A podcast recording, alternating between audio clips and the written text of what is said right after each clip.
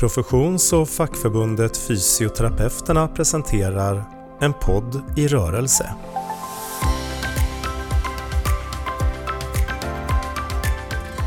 Välkomna till eh, En podd i rörelse. Idag ska jag prata med Per Lundqvist som är liberal politiker i Västra Götaland och ordförande i Hälso och sjukvårdsstyrelsen. Välkommen! Tack så jättemycket! Eh, nu presenterar jag dig lite kort, men är det någonting som jag glömmer i presentationen av dig som du gärna vill lägga till? Eh, ja, man skulle väl kunna möjligtvis säga att jag har tillträtt den här tjänsten 1 oktober så jag är fortfarande ganska ny på jobbet och det brukar jag säga att det kommer jag tillåta mig att vara ett år till. Mm. Ja, det, det, det är sånt som man gärna vill. Det tycker jag är klokt att berätta. Men det, Mycket att sätta sig in i. Men ja. annars är jag 44-åring och hemmahörande till Landvetter i Västra Götaland. Ja, Eh, och när vi träffades senast då var du ju ännu nyare. Då hade du ju bara, ja. det var det bara några veckor sedan du tillträdde. Ja. Eh, för vi träffades ju på fysioterapi 2021. Precis. Och då påbörjade vi ett samtal om specialistkunskap som jag tänker att vi ska fortsätta nu. Eh, specialist, att vara specialist och specialistkunskap är ju en fråga som är viktig för många av våra medlemmar och som också är viktig för oss som förbund. Som fysioterapeut kan du bli specialist inom 17 olika områden, till exempel inom neurologi eller mental hälsa. Specialistutbildningen är tre år och den är både klinisk och akademisk. Idag är det fysioterapeuterna som fack och professionsförbund som administrerar och förvaltar specialistordningen. Men vi arbetar för en statlig reglering som vi tror påverkar möjligheterna för fler att bli specialister och som också gör att arbetsgivaren känner en större press och ger förutsättningar för fler att utbilda sig. Sen så tänkte jag också att vi skulle prata lite grann om Agenda 2030 och hur det påverkar arbetet i VG-regionen. Um, men vi kan väl börja med specialisten, för det var ju en av de mm. sakerna som vi pratade om när vi träffades sist. Och då pratade vi om att det behövs fler specialister inom primärvården.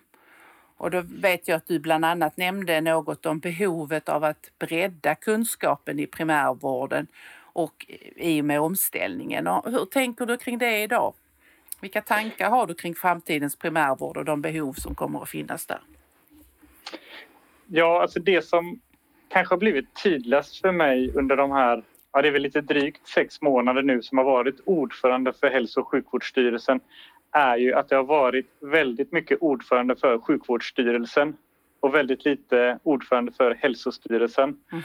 Och jag tror att vi kommer behöva ha ett mycket större fokus på hälsa framöver och de förebyggande åtgärderna framförallt inom, inom primärvården. Och vi tittar ju nu på, vi har en strategi för omställningen av vården i Västra Götalandsregionen som gäller till och med 2022 och nu tittar vi över hur ska den här strategin utvecklas för de kommande fem åren. Och där har vi ett stort fokus på, eller vill ha ska jag säga, ett stort fokus på, för den här nya strategin kommer inte tas förrän eh, till hösten. Mm. Men de inspelen vi har gjort har ju varit ett stort fokus på, på det förebyggande arbetet och har större fokus på hälsa. Mm. Eh, hur tänker du att fysioterapeuter kan bidra i det arbetet? Ja, alltså på flera sätt skulle jag säga. Vi, min tanke är lite att den bästa sjukdomen är den som inte uppstår, alltså den vi kan, den vi kan undvika. Och omställningen utgår ju mycket från att vi får en äldre befolkning, men vi får också en yngre befolkning. Alltså det är fler eh, i de åldrarna som bär de största kostnaderna i vårt hälso och sjukvårdssystem idag samtidigt som vi blir färre som, som arbetar. Och vi måste arbeta på andra sätt och då tror jag just att det här förebyggande arbetet blir så oerhört viktigt. Och där spelar ju fysioterapeuterna en viktig roll och skulle kunna spela en ännu viktigare roll. För det som någonstans jag kan tycka är unikt med fysioterapeuternas profession det är just det att man ser till, ser till hela människan, att man också ser till det friska. Eh, och det tror jag att vi generellt behöver bli, behöver bli mycket bättre på. Mm. Ja, det kan jag bara hålla med om. Men vad, vad tänker du, eh, vad, vad man kan prata både generellt och specifikt, men vad tänker du är hindrande för oss idag att arbeta mer förebyggande och hälsofrämjande? Jag tror att, och där kan man ju vara lite självkritisk, jag tror att vi har alldeles för stort fokus på det som är närmast i tid och då blir det mycket, man tittar på det akuta, man tittar mycket på vårdköer, på dålig tillgänglighet. Men man skulle behöva lyfta blicken lite längre fram och så tänka kanske fem, tio år framåt. Alltså det som vi gör idag får konsekvenser för vårt samhälle om fem, tio år. Mm. Och jag tror att det egentligen har varit ett hinder att vi, vi idag i så stor utsträckning eh, fast i nuet eller man ska säga man skulle behöva, man skulle behöva lyfta den diskussionen. Och där är ju vår strategi för omställningen ett sätt för oss att faktiskt göra det. Och eh, i, i Västra Götalandsregionen så har vi nu fattat beslut om en ny politisk organisation. Och i den nya politiska organisationen så instiftar nu en strategisk hälso och sjukvårdsnämnd och den strategiska hälso och sjukvårdsnämnden ska just ha ett fokus längre fram i tiden mm. Eh, och ta fram en, eh, en plan som kanske till och med sträcker sig så långt fram som, som tio år. Det låter ju väldigt svårt att göra en plan för tio år men ändå en, ändå en ambition att våga tänka lite längre. Jag tycker det låter som en, som en bra plan för då just, just att liksom också våga, våga se vad som, vad som ligger framför oss. Mm. Eh, men, men, innan vi går tillbaka till specialisterna, du nämner den här strategin med omställning till nära vård och det är ju någonting som, mm. vi, som vi alla arbetar i och som vi är på, mer, på lite olika sätt mitt uppe i. Eh, men kan mm. du berätta lite mer om er strategi och hur ni tänker i, i Västra Götalandsregionen och vad som är viktigt och mm, ja, hur ni arbetar med det helt enkelt? Mm. Vi har ju en strategi som togs 2017 eh, som då gällde för fem år. Mm. Så det är den, eh, det här året ut. Och den består av fyra delar. Det är dels en satsning på den nära vården. Det är en satsning på koncentration. Alltså vi kunde se tidigare att vi, vi behövde koncentrera viss vård för att framförallt hålla uppe kvaliteten men också vissa ekonomiska faktorer, men framförallt kring, kring kvalitet. Och där är tanken att det man gör ofta blir man bättre på istället för att man gör någon insats vid ett fåtal tillfällen. Då är det svårt att hålla uppe kompetensen och kvaliteten i de åtgärderna. Den tredje biten var digitaliseringen. Hur kan vi använda digitaliseringens möjligheter för att bättre nyttja regionens resurser inom hälso och sjukvård? Och det fjärde handlade om eh, kvalitetsdriven verksamhetsutveckling. Mm. Alltså hur kan vi förbättra kvaliteten på det vi gör? Och där var en viktig bärande del att det viktigaste kvalitetsarbetet görs på de enskilda enheterna inom de, de enskilda verksamheterna. Att skapa, skapa ett system och en, en infrastruktur för det. Nu när vi plockar fram den nya strategin så kommer den ju till allra största del att bygga på den nuvarande strategin men med kanske vissa justeringar vi ser inte riktigt samma behov att se på det här med koncentration för det har kommit ganska långt och är dessutom en bra metod eh, för att utreda när vi kan och ska koncentrera vissa delar av hälso och sjukvården. Mm. När det gäller kvalitetsdriven verksamhetsutveckling så behöver vi fortsätta arbeta med det men vi behöver också arbeta med kompetensförsörjningen för egentligen oavsett vilken del av eh, hälso och sjukvården vi vill utveckla så eh, kommer vi syvende och sist till att vi har svårt att hitta tillräckligt med, med, med kompetens, tillräckligt med utbildade medarbetare. Mm. Så det var ett viktigt steg. Ska vi prata om omställning fem år framåt i tiden så behöver kompetensutvecklingen vara med. Mm. Sen har vi också som en ny del kring, eh, kring prioriteringar vi har en prioriteringsberedning i, i eh, Västra Götalandsregionen som ska se hur kan vi prioritera våra resurser och våra insatser. Och vi ser väl ett behov av att även det då kommer in i omställning så att vi verkligen vet att vi gör rätt saker och att det är rätt patienter som får eh, rätt insatser. Mm, mm. Har, har, ni sett några, vad har ni sett, jag ska inte säga har ni sett några, eller jag antar att man har sett hinder, men vad har ni upplevt för hinder i arbetet med den här strategin som du pratar om?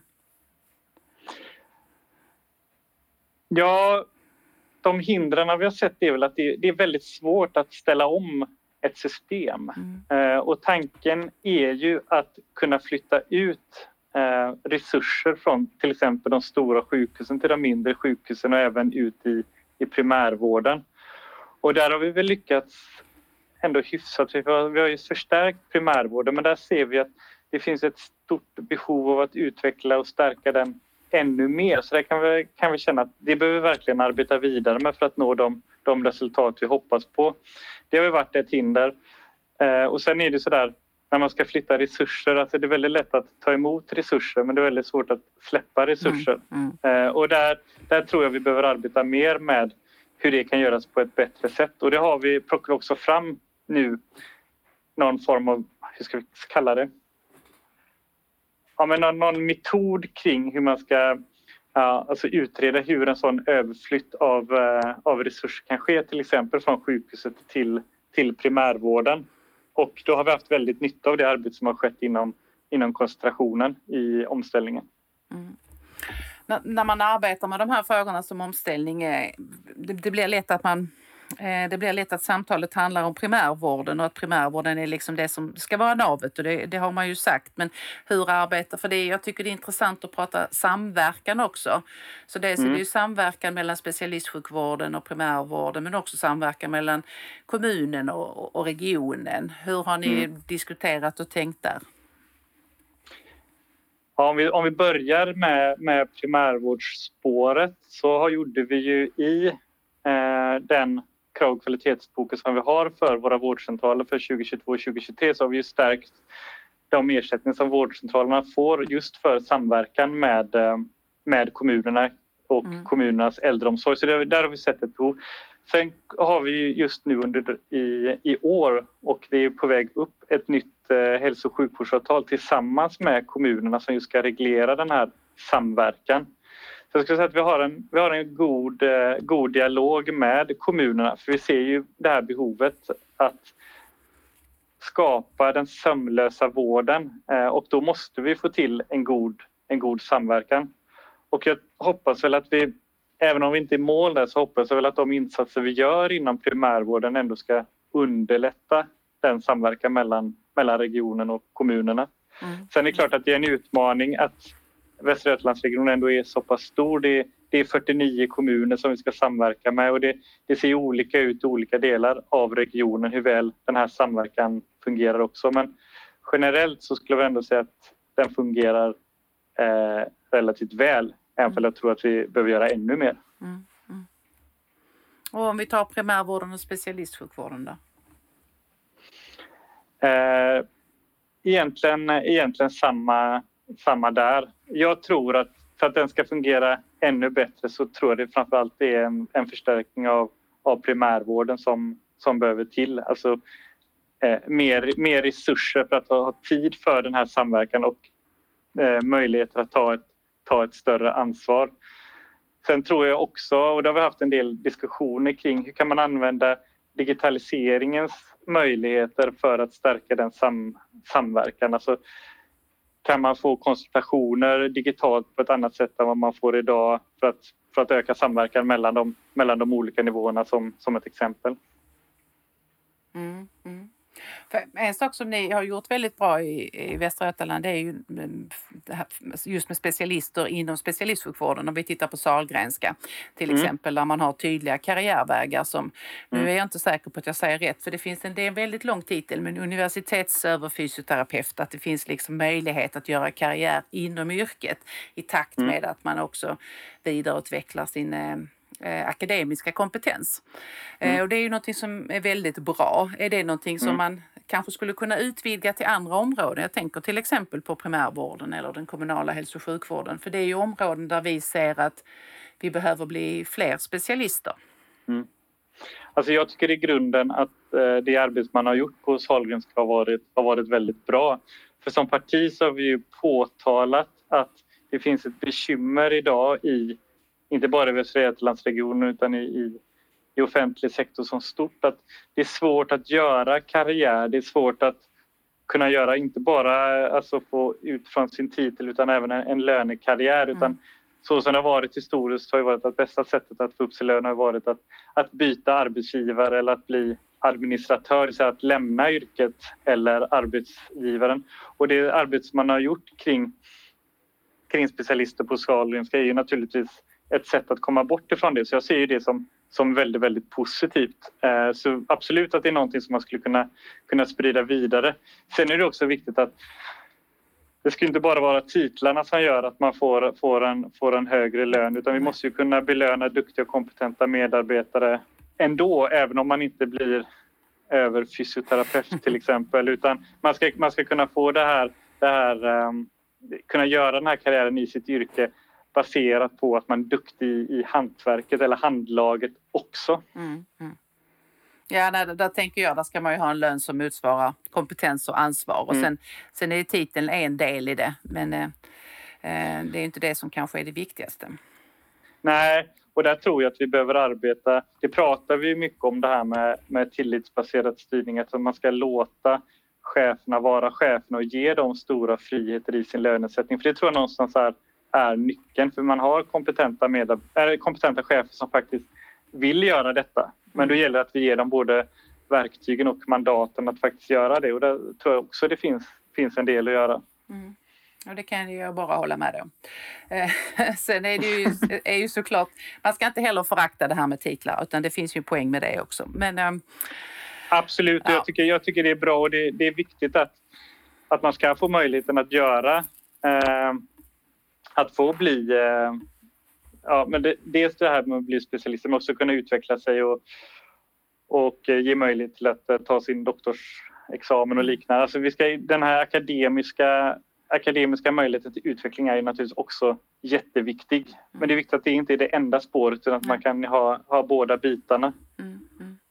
Och där finns det ju på flera ställen i landet karriärstegar eller kompetensstegar mm. där man just tar hänsyn till båda delarna. Du tar hänsyn mm. till den akademiska eh, utvecklingen men du tar också hänsyn till den kliniska utvecklingen. Så mm. det finns ju olika vägar som man kan göra karriär på. Jag tänker att det mm. skulle ju tänker att det borde vara en fördel för många verksamheter att den som har gjort en, när man har genomgått en forskarutbildning eller skaffat sig en högre akademisk nivå, att det finns en poäng med att man är kvar i verksamheten.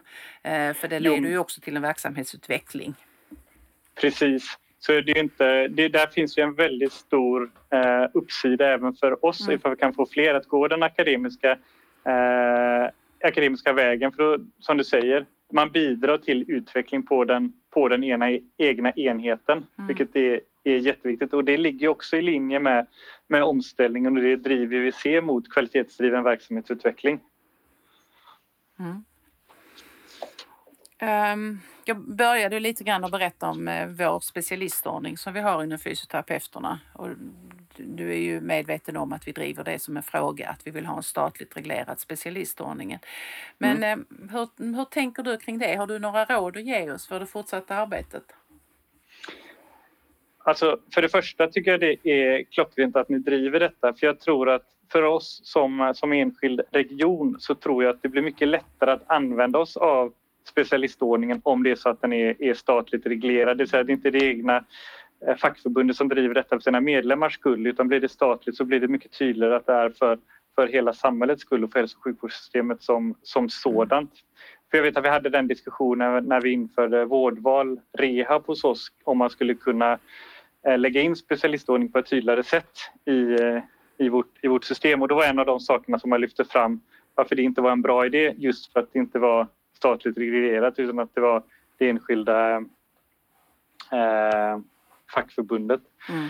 Ja, och jag tänker och jag vet att ni, ni lyfter ju också en del viktiga saker kring varför ni skulle vilja ha det här statligt just för att få det mer jämlikt över, över landet och trygga ersättningar för den som går in som handledare och även för den som eh, utbildar sig till, till specialist. Mm. Eh, eh, och om man skulle ge er några råd i detta arbetet så är det väl Eh, jag tänker, jag som beslutsfattare oftast äh, agerar när jag får någon som så vill få mig att fatta ett beslut så tror jag att ni ska trycka mer på, inte vad som är bra för er yrkesgrupp som sådan med detta utan kanske snarare hur skulle jag som beslutsfattare inom hälso och sjukvården tjäna på att det här faktiskt blir eh, statligt eh, reglerat istället. Mm.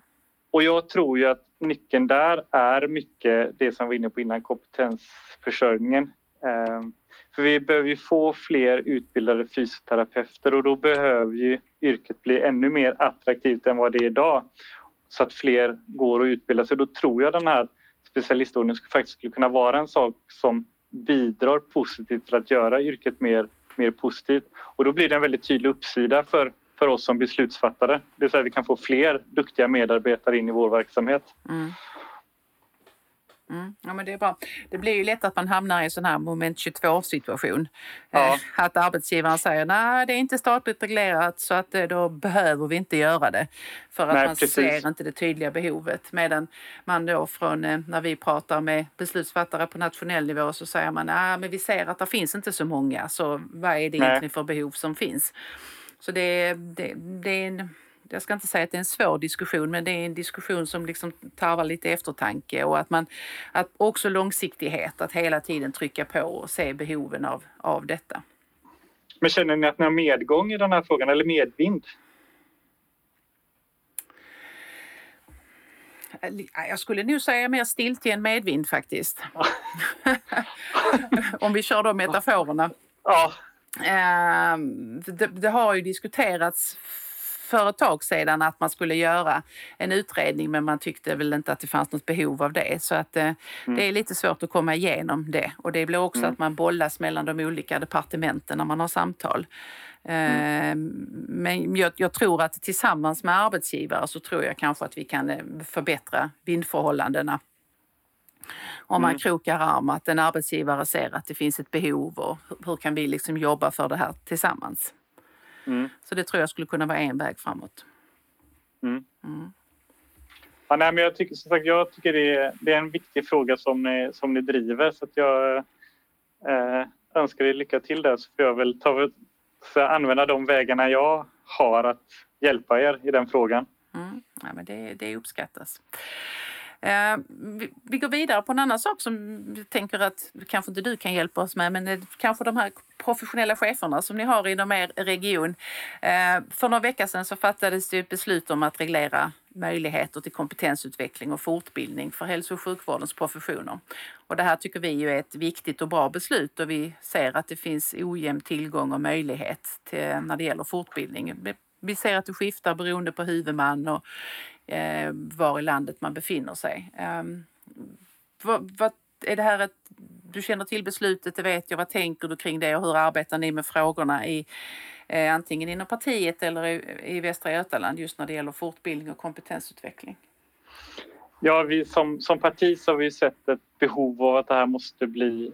Eh, någon, alltså detta är någonting som eh, regionerna generellt har varit, varit eh, för dåliga och vi har ju gått in och sagt att vi vill kunna garantera kompetens och fortbildning för, för alla legitimerade hälso och sjuk, alltså alla legitimerade yrken inom, eh, inom vården och att vi som arbetsgivare måste ta det ansvaret att man ska kunna få sin regelbundna fortbildning. Mm. Ja. Ja, det- så bra. det var ett kort Det var svar. ett Jag kort, du var kort, svar på en, kort svar på en, eh, på, en, eh, på, en, på en svår fråga. Sen är det så att jo, men det är ju jättelätt att, eh, jättelätt att säga det och sen hur, hur löser vi detta i, i praktiken? För till syvende och sist så tror jag att varför vi är dåliga på detta handlar om att vi har prioriterat eh, det dagliga arbetet. Lite som jag, som jag var inne på att Mm. vi har pratat för lite hälsa och för mycket, för mycket sjukvård och det tror jag här är ett exempel på, på det också. Mm. Alltså det är klart att har man, har man svårt att få full, fylla alla schemarader eh, om man då behöver prioritera en fortbildning eller om man ska prioritera det dagliga jobbet så är det klart att det, det kan vara lätt att, att göra den prioriteringen att kanske då plocka bort fortbildningen. Mm. Eh, och jag tror att vi behöver, vi behöver sätta fokus på detta också och fundera över kan vi bli bättre på att skapa luft i systemet för att möjliggöra detta? För jag tror att ska vi, som jag var inne lite på när vi pratade om omställningen, att vi måste fokusera mer på kvalitet och vi kommer inte kunna fokusera på kvalitet och få den utvecklingen om vi faktiskt inte ger oss tid för fortbildning. Precis. Det, nej, nej, jag tänker att det ligger mycket långsiktighet i det. Ja, Eh, och du har ju också själv varit inne på där frågan om kompetensförsörjning och möjligheten att göra karriär. Så det finns så Mm. många aspekter som spelar roll när det gäller kompetensutveckling och fortbildning. Ehm, så det, det är en viktig fråga och vi, där ser ju vi, vi har gjort en undersökning ganska nyligen där vi ser att till exempel om man jobbar inom den kommunala hälso och sjukvården så är det väldigt få som får tillgång till möj, alltså möjligheter till kompetensutveckling, vilket är oroande. Mm. Såklart. är, det, är det er bild att det ser ungefär lika illa ut i hela regionen eller bland alla regioner? Eh, jag har bara sett siffrorna samlat. Så Ja. det kan jag inte svara på. Ehm, Men, Men det är ett generellt bekymmer i varje ja, fall. just när det gäller den kommunala sidan är det ett generellt bekymmer och där ser vi inte heller Mm. att det har eh, skett så stor förändring under de, vi gjorde undersökningen för fem år sedan också. Mm. Så vi ser inte att det har hänt så mycket där. Ehm, Men jag ger mig inte in på någon jämförelse mellan regioner för det. det där- jag känner till för lite om datan för det. För jag har bara sett det samlat. Nej, men jag, Mm. nej, men jag förstår. Mm. Det hade varit roligt om du hade sagt att Västra Götalandsregionen låg i topp när det gäller kompetensutveckling vidareutveck- vidareutbildning av sina... men jag misstänker att inte, så inte är fallet. Vi brukar alltid, jag har sagt det, oavsett vilk, vad man jämför så brukar vi alltid ligga mitt i. Så det är lite tråkigt. Det är alltid roligt att vara, vara bäst eh, eller sådär, men vi ligger alltid mitt i. Ja, ja, ja. Men Mm. det är väl bättre att ligga mitt i än att vara sämst, tänker jag. Ja, men det är sant. Det är Mm. sant. Men det är väl lite så, är man så pass stora som vi är så eh, driver man nästan medlet lite mot sig också. Mm, mm. Jo, det är sant. En annan sak som är lite intressant att prata om, eh, nu, nu byter jag lite spår här, eh, Mm. men eh, inom fysioterapeuterna så har vi som ett övergripande mål att Agenda 2030 ska genomsyra allt vi gör och jag tror att det pågår lite arbete eh, kring det även i, i Västra Götaland. Kan du, hur resonerar ni kring det eller hur arbetar ni med det? Vad är prioriterat? Många frågor i en. Många frågor den. Mm. Ja, alltså om man tar Agenda 2030 så är det ju ganska stort fokus på, på miljöfrågorna eh, naturligt. Och där har vi ju en, jag skulle ändå säga en väldigt ambitiös miljöplan som sträcker sig fram till, till 2030. Eh, och i den här planen så har vi, har vi tre mål. Det handlar om att arbeta resurseffektivt eh, och giftfritt. Att ställa om till en låg klimatpåverkan och att dessutom då främja mångfald biologisk mångfald och våra, våra ekosystem. Eh, och vi är framgångsrika skulle jag ändå vilja säga i Västra Götalandsregionen just för att vi har haft väldigt stort fokus på, på miljöfrågorna. Och det ser vi kanske inte minst då när det gäller eh, att vi har minskat vår energianvändning i våra lokaler. Mm. Eh, den har gått ner, gått ner väldigt. Där har vi haft lite nytta också får man väl vara villigt erkänna att vi har haft tidigare haft gamla lokaler, gamla sjukhus som vi håller på att bygga om. Och i samband med det så är det klart att det går ju energiförbrukningen ner. Mm. Men jag skulle säga att vi arbetar väldigt aktivt och det sker ett väldigt aktivt arbete också på, ute på våra sjukhus och i våra, våra alla verksamheter. För det är där till syvende och sist som det viktigaste miljöarbetet sker. Sen handlar ju Agenda 2030 också om, om sociala faktorer. Och där har vi ju i den nya regionala utvecklingsstrategin för hela territoriet. Och det gör vi tillsammans med kommuner och med, med näringsliv. Så är ju en av de saker som vi kraftsamlar kring eh, fullföljda studier. Och det kan man ju säga att är det någonting man vill göra för att främja en sån sak som psykisk ohälsa, innanförskap i samhället så är ju fullföljda studier en, en nyckel. Så det är väldigt positivt att vi har kunnat enas om en så viktig fråga tillsammans med alla intressenter i, i eh, territoriet. Mm. Mm. Ja, det är spännande. Um, nu hoppar jag lite grann igen. Det är tvära kast här. Eh, Men eh, jag läste faktiskt Göteborgs-Posten idag. Mm. Och där kan man läsa om en budget som ni i samarbete med andra har lagt fram inför 2023.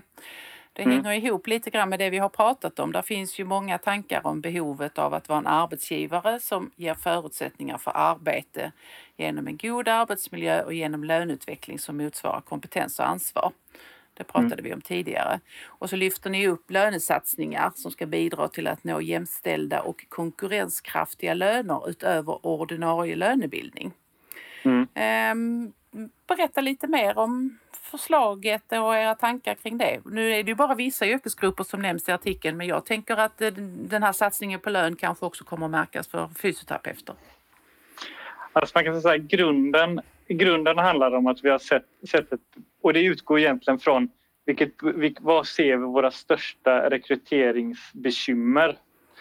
Eh, och då har vi sett att det har varit i 24-7-vården där man har haft svårt att få, få medarbetare som vill jobba nätter och som vill jobba helger.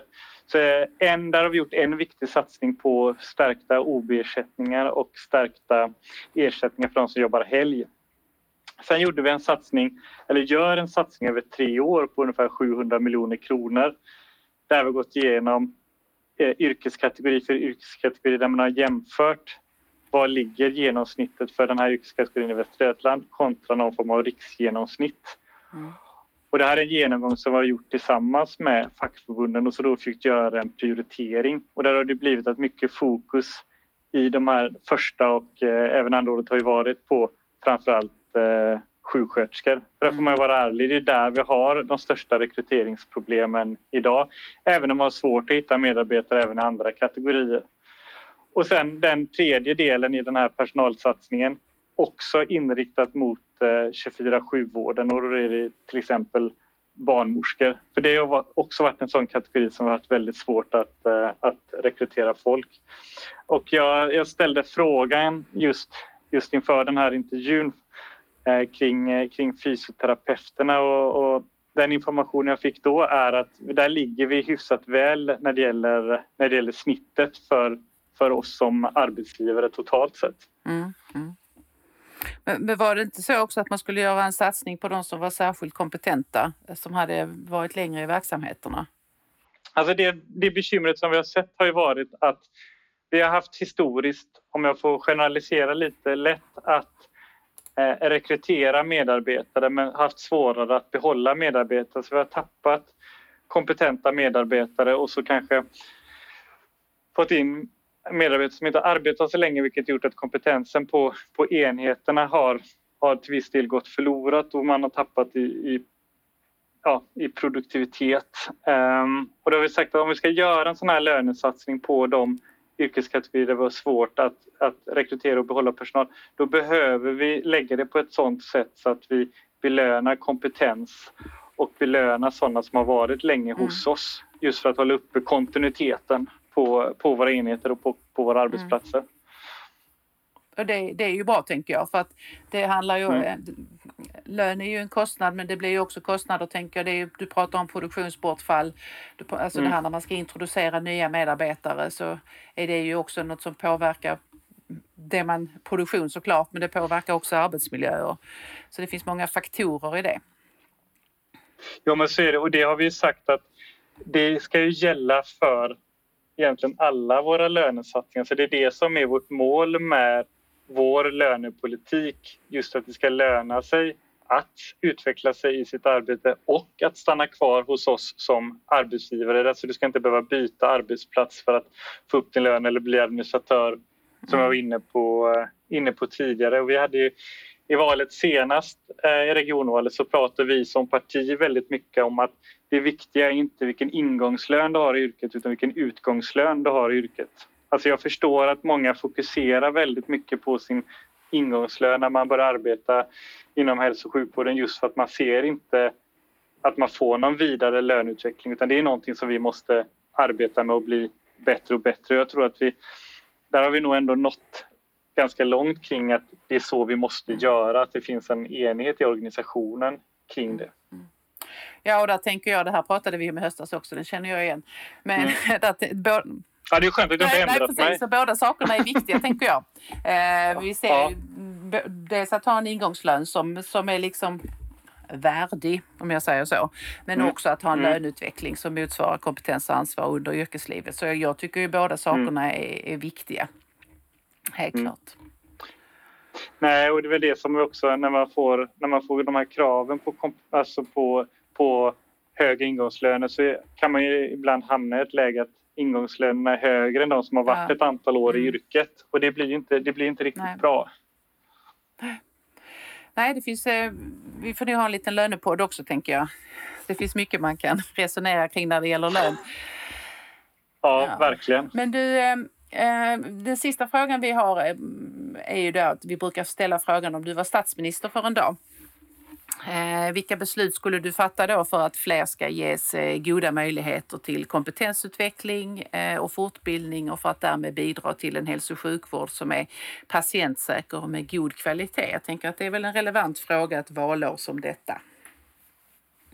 Absolut. Det där var ju, det där var ju lite svårt att man bara ska fatta ett beslut. ja, du kan få fatta flera. Men du får inte, det är inte länge du är statsminister så det får vara effektiva beslut. Nej. Ja, men du, då skulle jag nog, då skulle jag nog egentligen fatta, fatta två beslut. Det ena är det här med den här kompetensutvecklingsgarantin. Att, eh, att, den blir, eh, att det blir i, eh, i lag, säger vi. Så att Liberalernas lag. Sen skulle jag ju, och det måste jag ju säga som, som medlem i Liberalerna, just när vi pratar om utbildning så måste jag ändå säga en eh, förstatligande av skolan generellt just för att få skapa, skapa jämlikhet i utbildning och genom att vi kan skapa jämlikhet i utbildning och, och förutsättningar så kan vi skapa ett, ett samhälle där, där fler får möjlighet att utvecklas och förverkliga sig själva och sina drömmar. Och ska, kan vi lyckas, lyckas skapa ett sådant samhälle så får vi resurser över som kan gå till att stärka de, eh, de delarna av, av, eh, av vårt samhälle som kan ta hand om de som till exempel verkligen behöver hälso och sjukvårdens eh, resurser. Mm. Så lite mer statlig inblandning helt enkelt för att förenkla det väldigt mycket. Ja, och så är det väl till syvende och sist när jag blir statsminister. Då blir det statliga beslut jag, jag Precis, fattar. det är sant.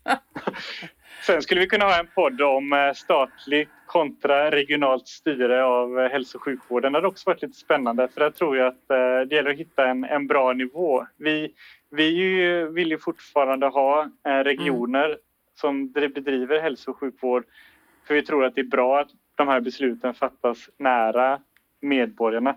Samtidigt tror jag att staten behöver ta ett större ansvar i vissa delar. Jag tänker då kanske framförallt på det här med dyra läkemedel. Mm. Mm. Men eh, det ämnet sparar vi till en annan podd tycker jag. Ja, ja det tycker jag. Det, det räcker inte 30 minuter. Precis. Men du Per, innan vi avslutar, är det någonting jag har glömt att fråga dig om? Nej, jag tror Nej. inte det. Nej, vad bra. Men då eh, tackar jag för ett, ett trevligt samtal eh, och önskar dig och, lycka till i det fortsatta arbetet inom Västra Götalandsregionen. Tack så jättemycket och tack så mycket för att jag blev, eh, blev inbjuden. Och så lycka till med ert fackliga arbete. Tack. En podd i rörelse presenterades av Fysioterapeuterna.